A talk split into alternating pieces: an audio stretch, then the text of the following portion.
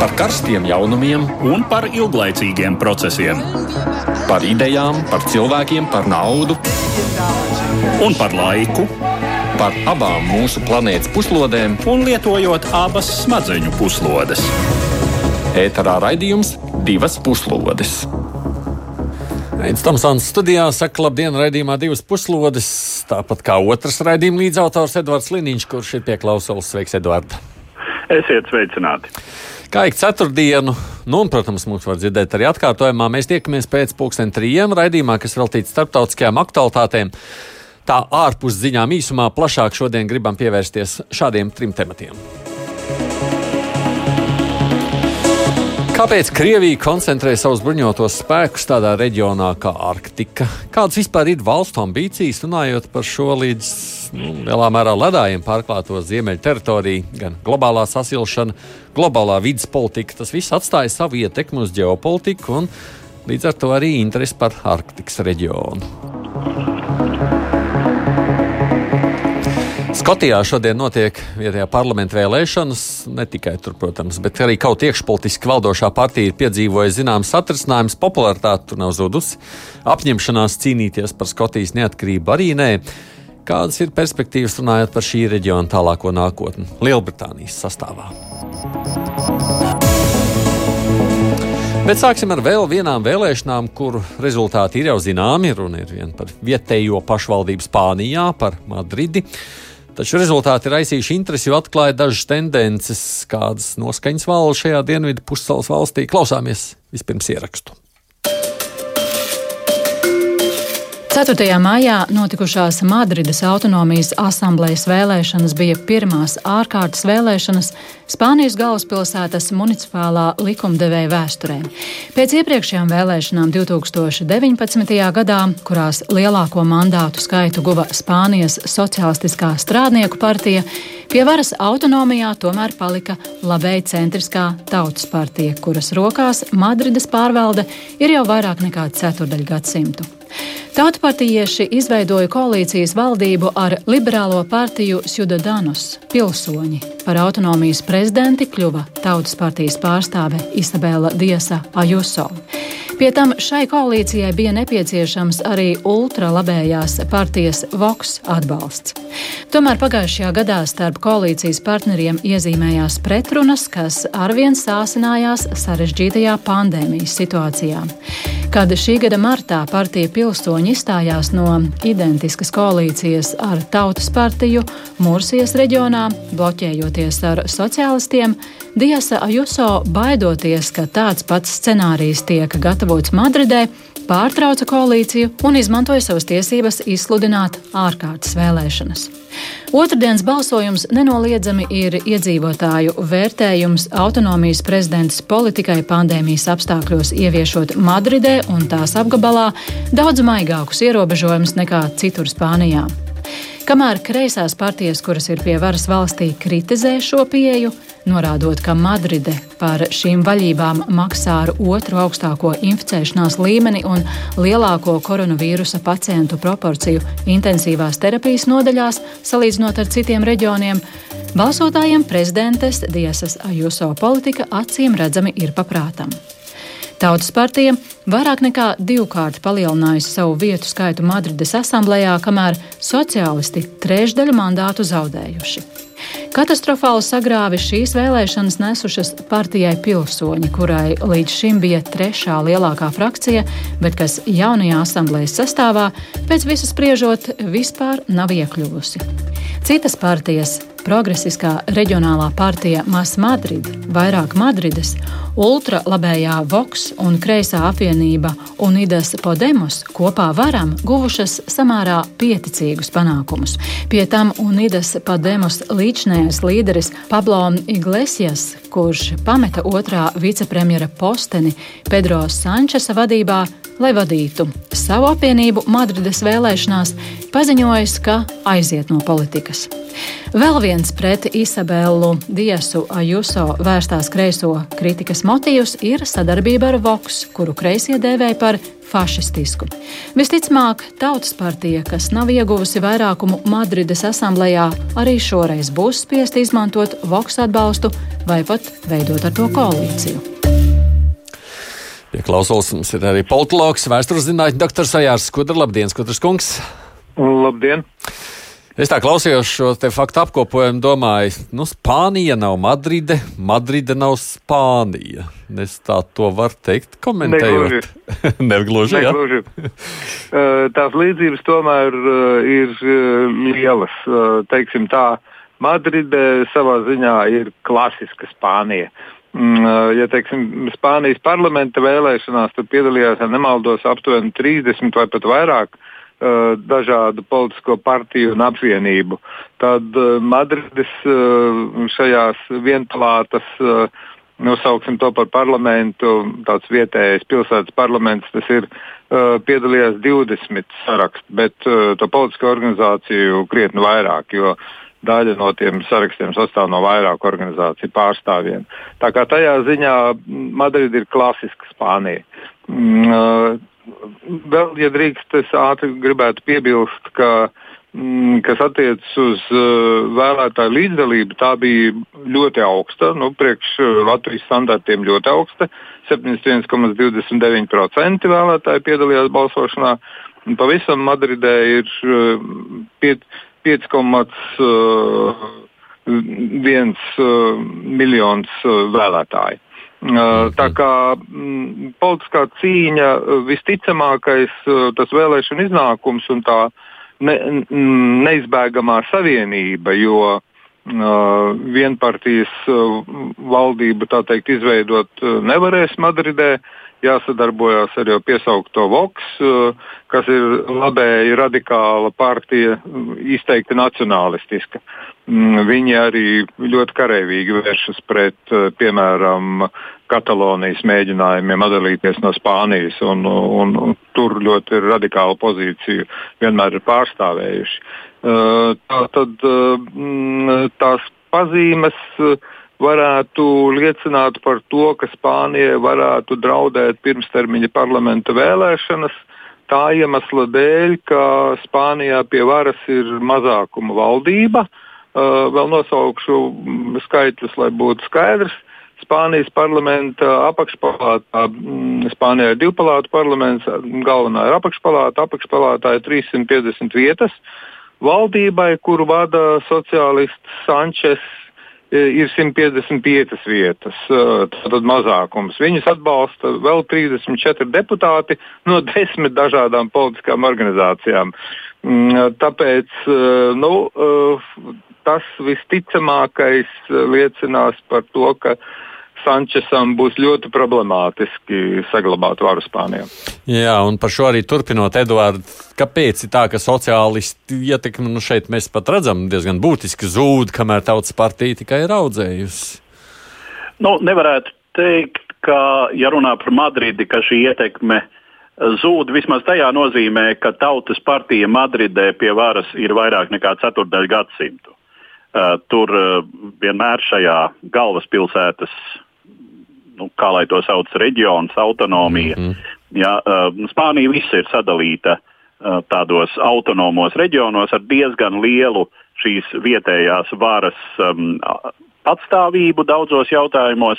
Uh, un uh, Madrida arī, nu, kā mēs redzējām, tātad Madrides vara varēja um, zināmā mērā bloķēt centrālās varas noteiktos vai nu, katrā ziņā proponētos šos ierobežojumus uh, pandēmijas periodā.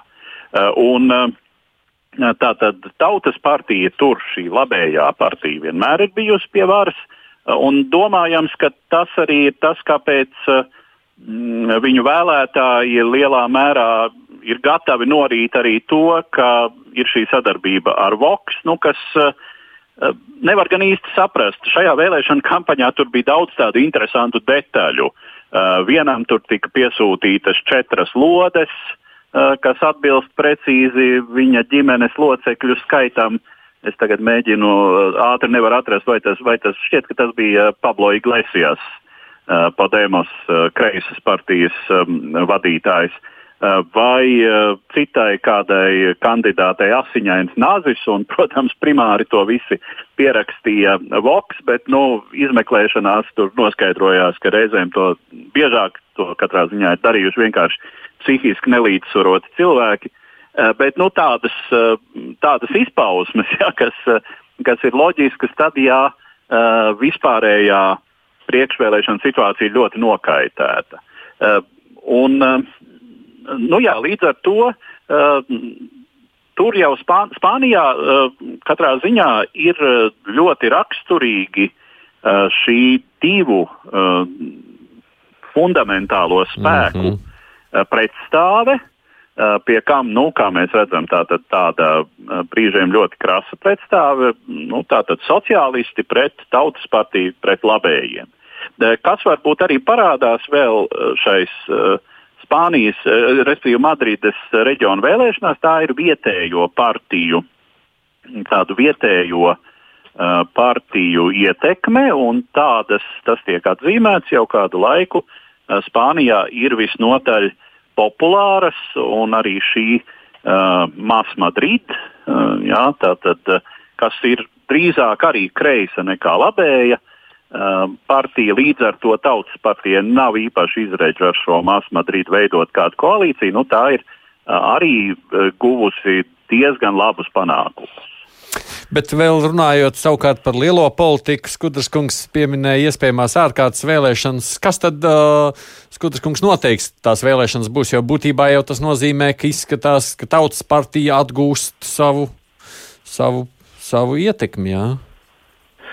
Nu, es tik kategoriski neteiktu to Jā. par visu Spāniju, bet uh, ir pilnīgi skaidrs, teiksim, ka uh, tie uh, atbalstītāji, mm, kā jūs minēju, tādi, kuri pārstāv desmit dažādas organizācijas, nu, uh, panākt to, ka viņi atbalsta šo mazākuma valdību. Tā tad būs ļoti problemātiski ņemot vērā, cik sarežģīti sociālai, ekonomiskie jautājumi Spānijai ir risināmi mm -hmm. tagad saistībā ar pandēmiju. Jo, nu, ir skaidrs, ka teiksim, Spānijas turisma industrija, kurai ir ļoti būtiska loma Spānijas ekonomikā, tā ir smagi cietusi. Nu, tiesa gan šī iemesla dēļ arī teiksim, mm, Tautas partija mm, ļoti intensīvi iestājās pret dažādiem ierobežojumiem uh, Madridē un, un, un tautas mutē mm, pateicoties lūk, šai Mm, Tautas partijas politikai Madridē. Madride bija iegūsta tādu uh, apzīmējumu Eiropas ballīšu galvaspilsēta. Mm, uh, tā kā, mm, nu, acīm redzot, šīs problēmas, uh, tā teikt, sociālajie un ekonomiskie aspekti, ja runājam par pandēmijas sekām attiecībā uz Spānijas ekonomiku, tas arī ir viens ļoti būtisks faktors, kas ietekmēs. Tiesa gan, uh, Mm, ja nemaldos, Spānijai ir otra lielākā teikt, deva no tās kūkas, kuru mm, Eiropas Savienība dala visām savām dalību valstīm teikt, atjaunošanās vārdā. Itālijai tur ir pirmā roka, ja nemaldos, Spānijai otrā. Bet, eh, nu, eh, protams, kā ar to vien droši vien būs par maz, lai garantētu to politisko stabilitāti. Pabeidzot tikai šo tematu, vēl redzēt, Eduard, tā ir ne tikai Latvijā pandēmija rada problēmas politikai vai ne, vai partijām. Pandēmija ietekmē politiku absolūti visur pasaulē, eh, un droši vien, ka par to vēsturnieki rakstīs vēl ilgi un dikti. Es pieļauju, ka uh, Um, tā ir uh, vismaz uh, nu, sākot ar jaunākajiem laikiem. Uh, tāda bezprecedenta situācija, kad uh, viena globāla sērga tik ļoti iespaido politiku dažādos pasaules reģionos. Mm. Bet tagad, runājot par vēlēšanām, mēs gribam runāt par vēl kādām reģionālām vēlēšanām, tikai šoreiz Brītas salās. Izskatās, ka tās savukārt varētu būt tā vieta, kur pandēmija nebija tas galvenais, vai nav šodien tas galvenais uh, nu, iemesls, kāpēc cilvēki balso par vienu vai otru partiju, lai gan mēs vēl redzēsim, vēlēšanas tikai notiek un uh, nu, tur vēl par rezultātiem jāgaida. Bet klausāmies vispirms ierakstu. Šodien notiekošo Skotijas parlamenta vēlēšanu centrā ir jautājums par iespējamu šīs Lielbritānijas daļas neatkarību, respektīvi atkārtotu referendumu par izstāšanos no apvienotās karalistes.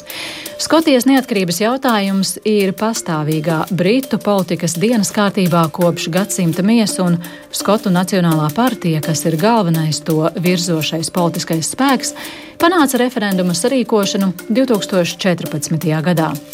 Toreiz vairākums skotu nobalsoja par palikšanu apvienotās karalistes sastāvā, un visumā tika akceptēts viedoklis, ka šīs paudzes laikā, respektīvi tuvākajās pāris desmitgadēs, jauns referendums par šo tēmu nav rīkojams.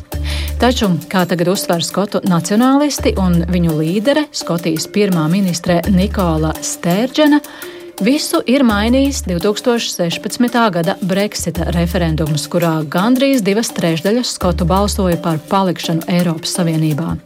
Tā nu šajās vēlēšanās Skotu Nacionālā partija startēja ar atkārtota referenduma sarīkošanas programmu, un neatkarību atbalsta arī pāris mazākas partijas. Kopš 2007. gada Nacionālā partija Allež uzvarējusi Skotijas parlamenta vēlēšanās un arī ieguvusi lielāko skaitu Skotijas deputātu vietu apvienotās karalistes parlamentā. Tomēr absolūtais vairākums, spriežot pēc aptauju datiem, šajā reizē partijai nav garantēts. Jebkurā gadījumā ir ticams, ka lielākā daļa deputātu būs neatkarības piekritēji, un Skotijas parlaments pēc ievēlēšanas vērsīsies pie Londonas ar prasību pēc atkārtota neatkarības referenduma. Premjerministrs Boris Džonsons jau paziņojis, ka viņa varas laikā šāda atļauja netiks dota, un medijos tiek iztirzāti vairāk iespējamie scenāriji. Viens varētu būt Londonas neakceptēts referendums, kuru Lielbritānijas vadība paredzams apstrīdētu tiesā, savukārt otrs konservatīvs balsojums, kas pozitīva iznākuma gadījumā būtu papildu arguments referenduma atjaunošanai. Pašreizējie aptauju dati gan rāda, ka Skotijas neatkarības piekritēji un pretinieki vēlētāju vidū ir apmēram vienādā skaitā. Kas attiecas uz pārējo partiju prognozējumiem rezultātiem, tās visumā varētu saglabāt savas pozīcijas, konservatīvajiem iegūstot nedaudz vairāk par piekdaļu, leiboristiem nedaudz mazāk par piekdaļu, savukārt zaļajiem un liberāli demokrātiem pa 5 līdz 10 procentiem parlamenta vietu. Es visu laiku domāju par Skotiju, domāju, Edvards, tavuprāt, cik šis jautājums tiešām ir jāuztver nopietni, cik tā ir tikai tāda politiska retorika un cik tiešām jādomā būtu nopietni šajā ziņā?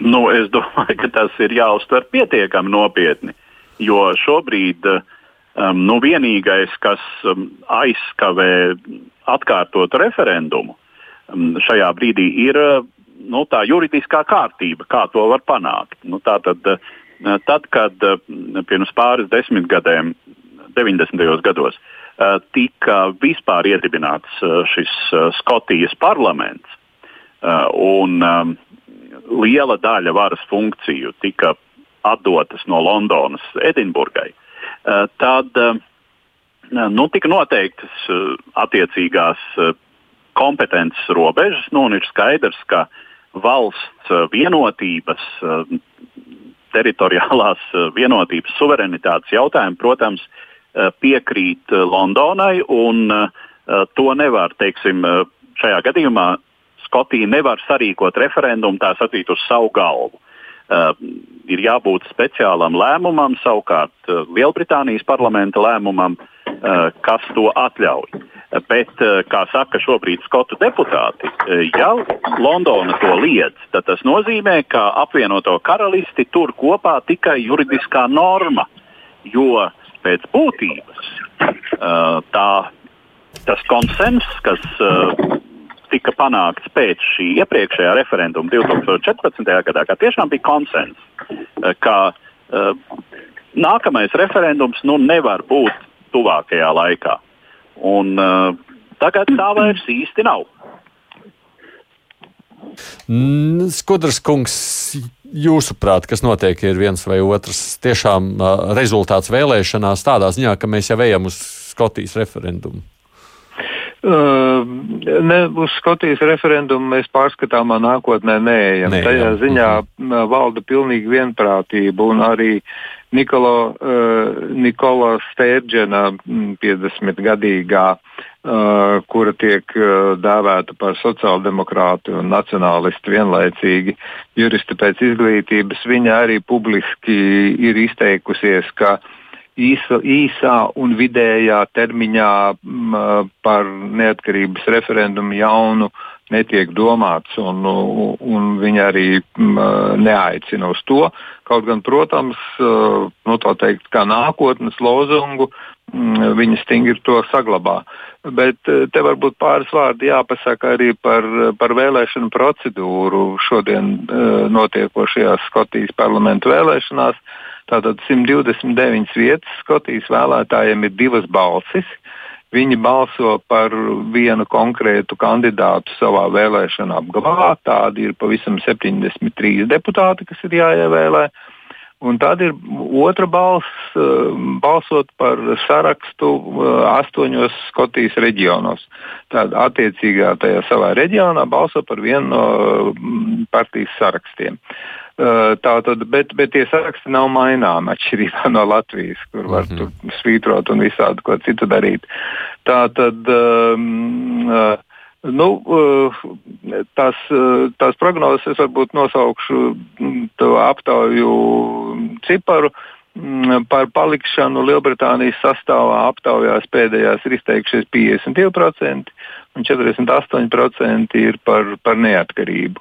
Mm, ātri piebildīšu, ka šodien uh, savu vietējo parlamentu vēlē arī Velsa, kurā arī ir atskanējušas runas par neatkarību, bet tur tie neatkarības piekritēji nu, ir krietni vājākās pozīcijās, un kas ir būtiski varbūt uh, Lielbritānijai kopumā. Um, notiek vēlēšanas arī Londonā, un, un tiek pārvēlēts pilsētas mērs. Eh, kuram visi paredz ļoti pārliecinošu uzvaru. Nu, atgriežoties pie Skotijas, es gribētu teikt tā, ka mm, eh, tās prognozes nu, vismaz pašreizējās liecina, ka visticamākais absolūto vairākumu no tām 129 vietām Skotijas uh, Nacionālajai partijai izdosies, neizdosies iegūt. Uh, un uh, līdz ar to teiksim, arī šī iemesla dēļ nu, kaut kāda ātra referenduma sarīkošana nav iespējama. Uh, kas ir Stēdženas plusi? Plusi ir ļoti veiksmīgā cīņā ar epidēmiju. Tiek uzskatīts, ka Skotijā tas process ir ritējis organizēti un labi. Uh, no vienas puses, eh, nu, eh, Skotija bez viskija ir bagāta arī ar naftu un gāzi, cik jau nu, tās vispār Britānijas piekrastē ir. Mm, tā tad līdz ar to, teiksim, un, un principā Skotijā vēl jāpasaka, ir 5 miljoni iedzīvotāji.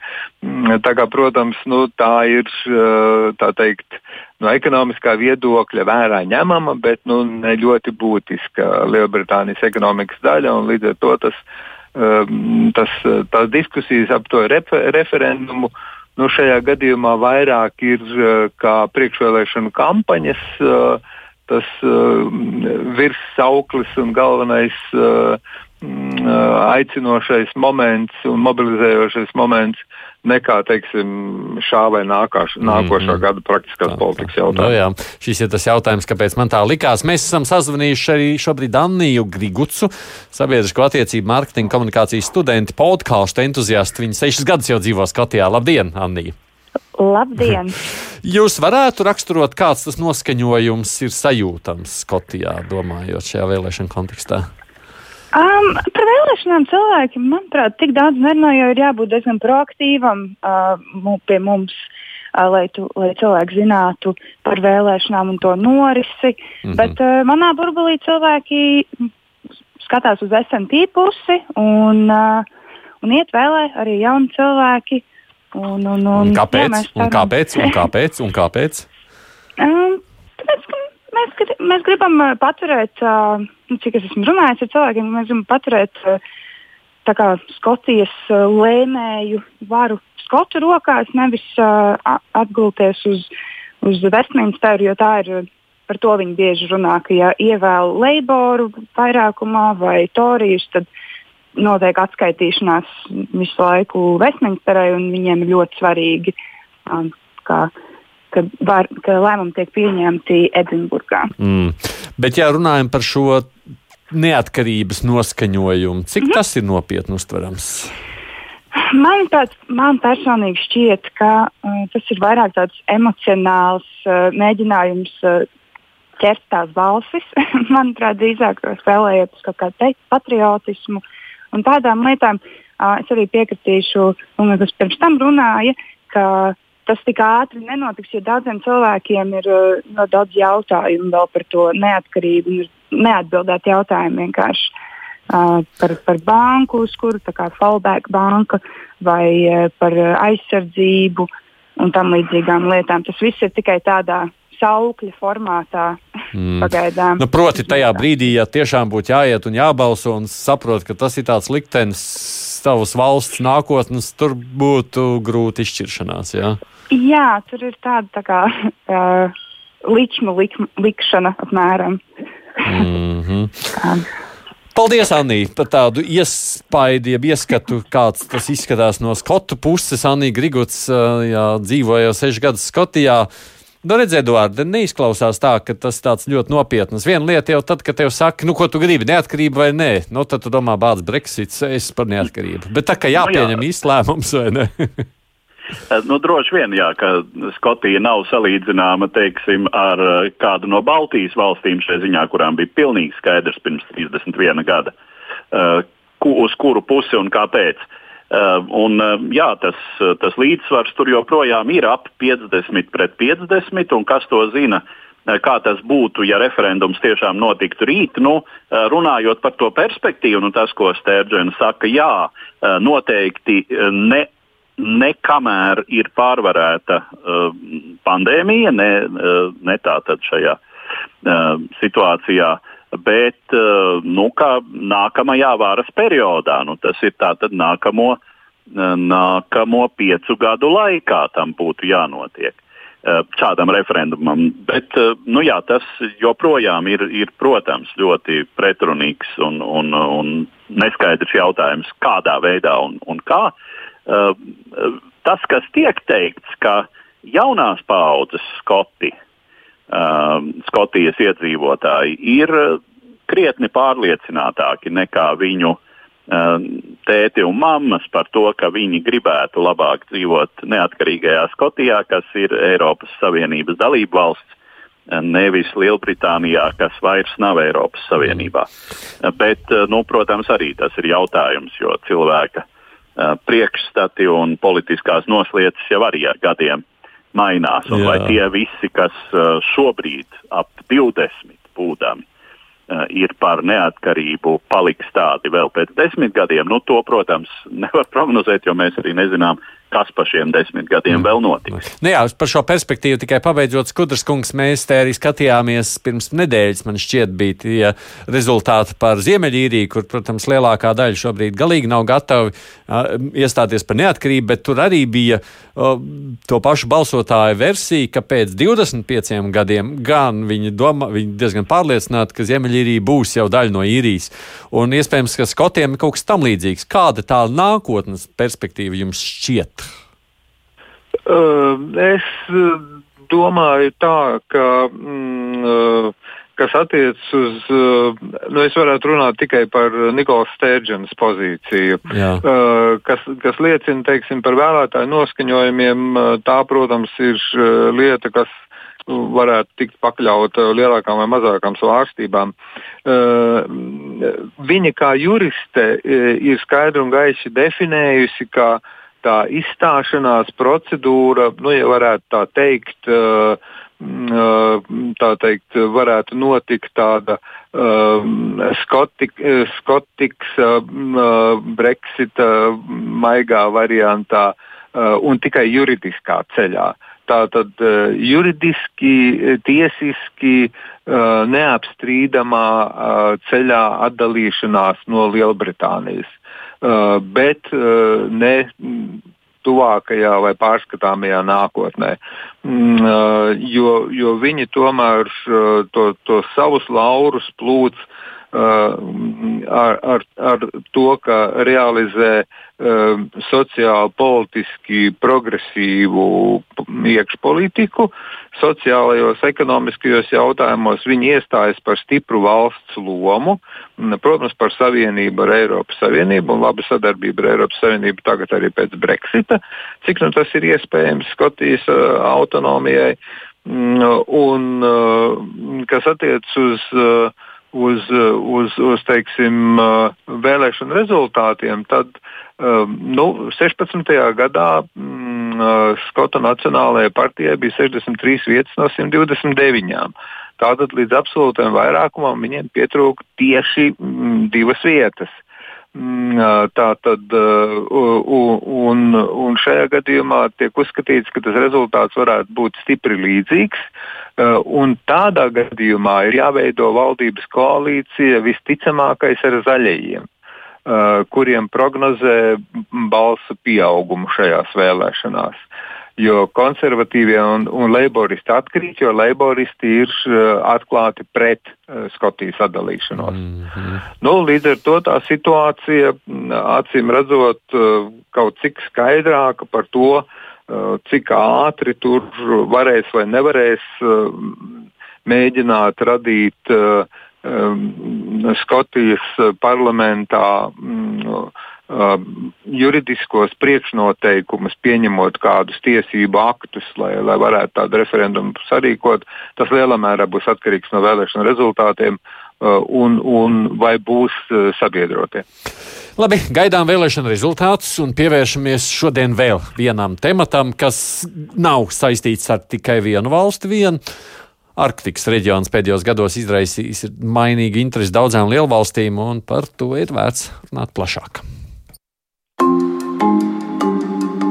Marta vidū Savienoto Valstu armija publiskoja savu atjaunoto Arktiskā reģiona militārās stratēģijas koncepciju, kurā cita starpā teikts, ka Arktika ir stratēģiskas sacensības reģions, kuram ir potenciāls kļūt par pretstāvis telpu, kur Savienoto Valstu lielvalstiskie sancenši Krievija un Ķīna tiecas izmantot savu militāro un ekonomisko spēku, lai iegūtu un uzturētu pieeju šim reģionam uz ASV interešu rēķina.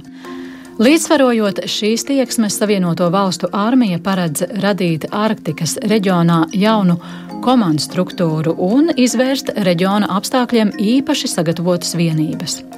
Kā galvenos iemeslus šiem jaunajiem strateģiskiem izaicinājumiem koncepcija min piesaukto lielvaru militāri strateģisko ambīciju pieaugumu, kā arī klimata izmaiņas, kas padarījušas Arktiku pieejamāku kuģošanai. Krievija ir Savienoto valstu ierastais un loģiskais pretspēlētājs reģionā.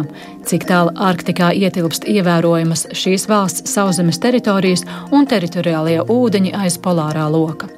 Pēdējā desmitgadē Krievija pastāvīgi kāpina savus spēkus ziemeļos, būvējot jaunas un atjaunojot esošās karabāzes, palielinot atomu ledlaužu un atomu zemūdeņu floti. Gluži nesen Arktikas reģionā ir parādījies vēl viens globāls spēlētājs. 2018. gadā Ķīna pirmo reizi publiskoja savu Arktikas stratēģiju, par pārsteigumu daudziem definējot sevi kā Arktikai tuvu valsti un paziņojot par ambicioziem polārā zīda ceļa plāniem. Ir zināms, ka daļa Krievijas galējos ziemeļu infrastruktūras projektu tiek īstenoti ar Ķīnas finansējumu, un var paredzēt, ka nākotnē Ķīna centīsies arvien aktīvāk piedalīties reģiona resursu izmantošanā. Protams, līdzās lielākiem spēlētājiem Arktikas reģionā atrodas arī vairāku citu valstu teritorijas, un tādām valstīm kā Norvēģijai, Kanādai un Dānijai, kuras valdījumā ir Grenlande, Šajā reģionā ir nozīmīgas ekonomiskās un drošības intereses. Ja vēl nesenā pagātnē Arktika tika uzlūkota kā planētas daļa, kurā pašsaprotama ir sadarbība un līdzās pastāvēšana, tad pēdējos gados reģiona sakarā arvien biežāk izskan apzīmējums jaunā augstā kara fronte. Divas puslodes! Pie klausulas atgādina ir otrs raidījuma līdzautors Edvards Liniņš un politologs Ajārs Skudra, un vēl tagad mums pievienojas arī RSU Ķīnas studiju centra vadītāja un Aleksandra Bērziņa Čerenkova. Labdien! Sveicināti kolēģi un sveicināti klausītāji! Mēs esam savulaik radio runājuši par Arktikas reģionu kā tādu diezgan dārgu, bet labu naftas resursu rezervuāru. Un likās vienā brīdī, ka tā cīņa par Arktiku būs tieši naftas dēļ. Vai tā situācija tagad ir mainījusies, jūsuprāt?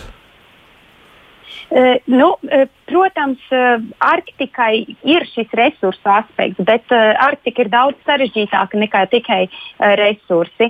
Nu, Patās ierakstā minējāt Ķīnas 2018. gada arktisko stratēģiju un tiešām šo, šo interesanto jautājumu par to. Kā tad Ķīna, nebūdama, būdama tuvāk ekvatoram, Jā. faktiski nekā Arktikai, var sevi tā pozicionēt? Un es varbūt tā kā mums ieras piedāvāšu to Ķīnas uh, Eh, kā, kā, viņi, kā, kā viņi to paskaidroja. Tātad, principā, Ķīnai ir uh, trīs argumenti. Uh, mēs varam piekrist vai nepiekrist, ja, bet tas ir tātad, viņi mēģina šo savu arktisko leģitimitāti pamatot. Nu, un, uh, pirmais no šiem, uh, šiem argumentiem ir tāds, ka visi mēs dzīvojam. Uh, um, zem viena lietus sarga, mūsu klimatu ietekmē. Mēs no klimata izmaiņām ciešam visi. Līdz ar to valsts uh, jebkura pasaules valsts drīkst piedalīties, tīpaši, tā vēlas, uh, attiecībā uz Arktiku. Uh, Otrakārt, um, tāds spēcīgs arguments, protams, ir tāds ekonomiskais arguments, iesaistīts arguments. Ķīna saka, mēs tik daudz pienesam pasaules ekonomikai un, principā, uh, tirdzniecības ceļiem jābūt atvērtiem, mēs gribam tos izmantot. Nu, un uh, pēdējais ir pavisam interesants arguments, manuprāt, tas ir izmēra arguments faktiski. Uh, tātad Ķīna apgalvo arktiskajā kon, uh, koncepcijā, un to mēs varam redzēt uh, vairākos gadījumos, ka tā ir tik liela un tik ietekmīga. Tā ir uh, pastāvīgais uh, ANO drošības, uh, loce, uh, drošības padoms locekle. Uh, tā ir uh, vadošā enerģijas patērētāja pasaulē. Un ar to vien pietiek, lai spēcīgiem, nozīmīgiem globāliem jautājumiem, uh, esot um, dienas kārtībā, skanētu Ķīnas balss. Nu, diezgan lepni. Mm. Nu, tad jau dažus kvadrātmetrus Latvijai arī vajadzētu. Pilnīgi noteikti. Bet kas tur vilina tik ļoti skudrskungs Arktikā? Uh, tā tad uh, milzīgas bagātības. Uh, Tā tad uh, pāris, uh, pāris skaitļi, es, ja, ja atļausiet, uh, arī piesaukšu vēl mazliet lietas juridisko pusi, bet vispirms par bagātībām, Jā. kuras tiecas Krievija kontrolēt. Nu, tad Krievijas apetīte sākotnēji bija līdz ziemeļu, Ziemeļpolam, kas nozīmētu teritoriju apmēram um, okeāna teritoriju, 9 miljonu kvadrātkilometru. Nu, tagad tās apetītes ir kļuvušas mazākas, jo ir parakstīta. Um, vēl PSRS 1982. gadā parakstīja apvienoto nāciju organizācijas konvenciju par jūras tiesībām, un līdz ar to nu vairs uh, nav tik vienkārši. Bet, kas attiecas uz bagātībām, tā tad um, uh, Arktiskais reģions uh, tiek uzskatīts par Krievijas strateģisko resursu bāzi. Mm, tā tad uh, varētu teikt, zināmā mērā šobrīd pat par galveno. Uh, tajā tie, tiesa ir tikai 2,5 miljoni iedzīvotāji, bet uh, šis reģions ražo uh, no 12 līdz 15 procentiem no Krievijas IKP, 80% gāzes, niķeli, dimantus un retos metālus. Viena ceturtā daļa eksporta uh, ir no Arktikas un viena trešā daļa no visām nozvejotajām zivīm. Tātad uh, Krievijai ir par ko cīnīties. Uh, lai nestieptu lietu garumā, teikšu tā, mm, ka no, no tiesiskā un juridiskā viedokļa ir, runā, ir jārunā par Arktikas padomi, kuru bez Krievijas veido Dānija, Kanāda, Norvēģija un ASV. Uh, tad ir uh, tā tad. Uh, Uh, novērotāji, kas ir šajā uh, Arktikas padomē, un tur ir arī visas vadošās uh, Rietumēropas valstis.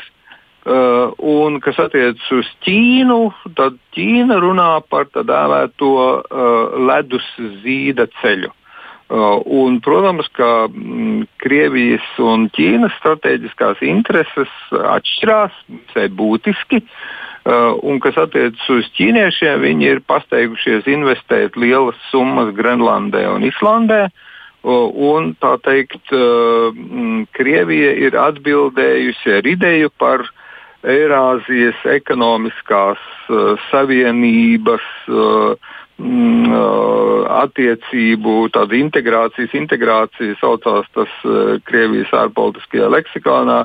Tad Eirāzijas ekonomiskā savienība, ASEAN, Eiropas Savienība, uh, tātad veidot partneru attiecības.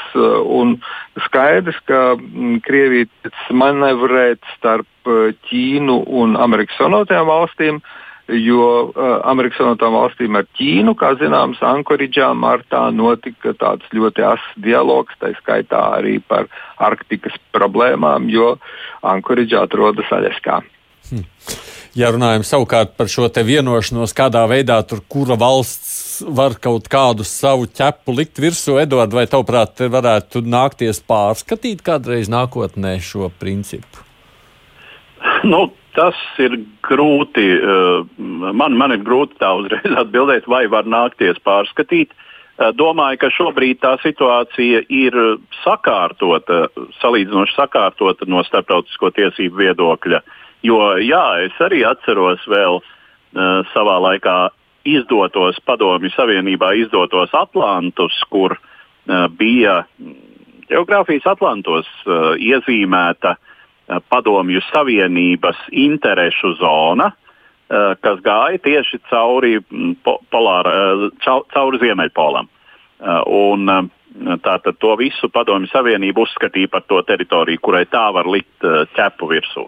Nu, tagad mēs redzam, ka tā situācija ir krietni sarežģītāka. Eh, te, starp citu, ir interesanti, ka līdz šim no visa šī procesa ir salīdzinoši stāvējusi malā Eiropas Savienība, eh, kurai taču arī ir lielas eh, ekonomiskās iespējas un lielas ekonomiskās vajadzības arī. Uh, un šie arktiskie resursi tai būtu diezgan interesanti. Pie kam? Nu, Arktika tā, tā ir visa teritorija, kas ir aiz ziemeļpolārā polārā loka. Un aiz ziemeļpolārā loka atrodas daļa no Zviedrijas, daļa no Somijas, kas ir Eiropas Savienības valstis, un, uh, protams, liela daļa no, lielākā daļa no Grenlandes, kas nav Eiropas Savienības daļa, bet ir Eiropas Savienības dalībvalsts Dānijas um, aizjūras teritorija. No jā, šķiet, jā, tā tas uh, tiek definēts.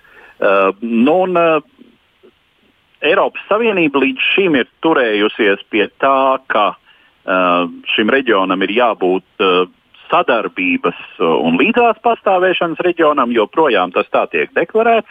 Uh, bet šķiet, ka Eiropas Savienībai varētu nākties mm, nu, pārskatīt, savas, eh, pārskatīt savu politiku, ņem, ņemot vērā to, ka tur ir bez Krievijas parādījusies Ķīna ar visnotaļ ekspansīvu politiku. Un, uh, tas ir vēl viens reģions, kur Eiropa ir tagad acīm redzami sadūrusies ar Ķīnu. Uh, pirmais bija Āfrika, tā ļoti izteikti, nu, tagad tā ir arī Arktika.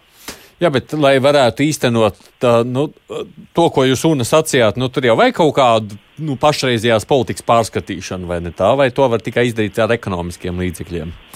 Jūs domājat, uh, no Ķīnas puses? No Ķīnas puses, jā.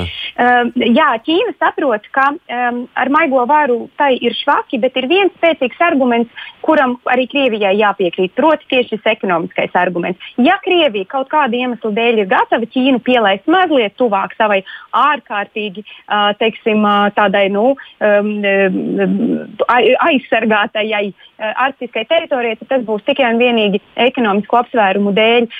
Un nevelti galu galā profesors Skudra minēja skaitļus ja, par, par IKP un par iedzīvotājiem. Tāpat laikā šo iedzīvotāju dzīves līmenis ir ārkārtīgi zems, un par to mēs redzam arī Krievijas, uh, Krievijas uh, oficiālajos ziņojumos. Piemēram, uh, var nākt uh, sūtījums um, divus gadus Jā, tā tad, tāpēc, ka faktiski loģistisko joslu, loģistis, uz Jakutiju, jā, loģistisko ceļu risinājumu ir tik maz. Bet ar to visu, protams, tas, ka Ķīna runā par ziemeļzīda ceļu un par leduszīda ceļu, uh, Krievija tomēr um, nemaz tik aktīvi uh, nevēlas to laist uh, savās, uh, savā teritorijā, jo tieši tāpēc, ka Krievi neuzticās, ka ķīnieši šos solījumus turēs. Tātad patiesībā jau mēs redzam, ka tās pašas. Mēs bieži vien runājam par to, ka rietumu pasaule um, um, neusticās Ķīnai, ja, vai teiksim, nav pārliecināta par pārskatāmību attiecībās uz Ķīnu, ka Ķīna paņems to, ko tā gribēs. Patiesībā jau par to uztraucās arī tās valstis, kuras mēs ar vieglu roku ieliekam Ķīnas autoritāro draugu pulkā. Tieši šādi paši argumenti izskan arī Krievijā uh, par to, ka un, un ķīnieši savukārt ir ļoti neapmierināti, jo viņi uzskata, ka tas bremzē biznesa attīstību. Un līdz ar to šobrīd mēs redzam, ka um, um, Eirāzijas ekonomiskās um, savienības un Ķīnas daudzo uh, zīda ceļu saskarsme un apvienošanās vairāk ir redzama runās nekā faktiskās darbībās.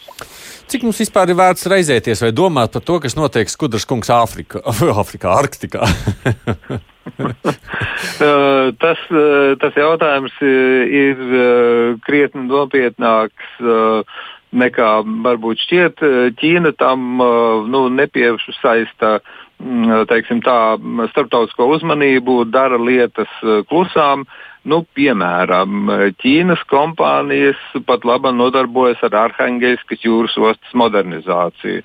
Uh, tās piedalīsies uh, dzelzceļa maģistrāles būvniecībā no Baltās jūras uz, ko, no, uz Komiju, jeb caur Komiju līdz Urāliem. Uh, no 2013. gada Ķīna ir Arktikas padomes novērotājas statusā. Nu, par investīcijām es jau teicu. Principā teikt, Krievija pat labāk uh, izvirzot tā dēvēto lielās Eirāzijas uh, koncepciju, uh, ir spiesta uh, piesaistīt uh, un ņemt vērā Ķīnas intereses. Tā iemesla dēļ, ka ASV, Japāna, Dienvidkoreja, Austrālija mēģina piesaistīt Indiju, uh, tā, dē, tā dēvētā uh, Indijas klusā okeāna. Uh, koncepta, jeb uh, sada partnerības uh, ietvaros. Uh, un Krievija savukārt un Ķīna, protams, ir ieinteresēts Indiju iesaistīt Lielās Eirāzijas projektā.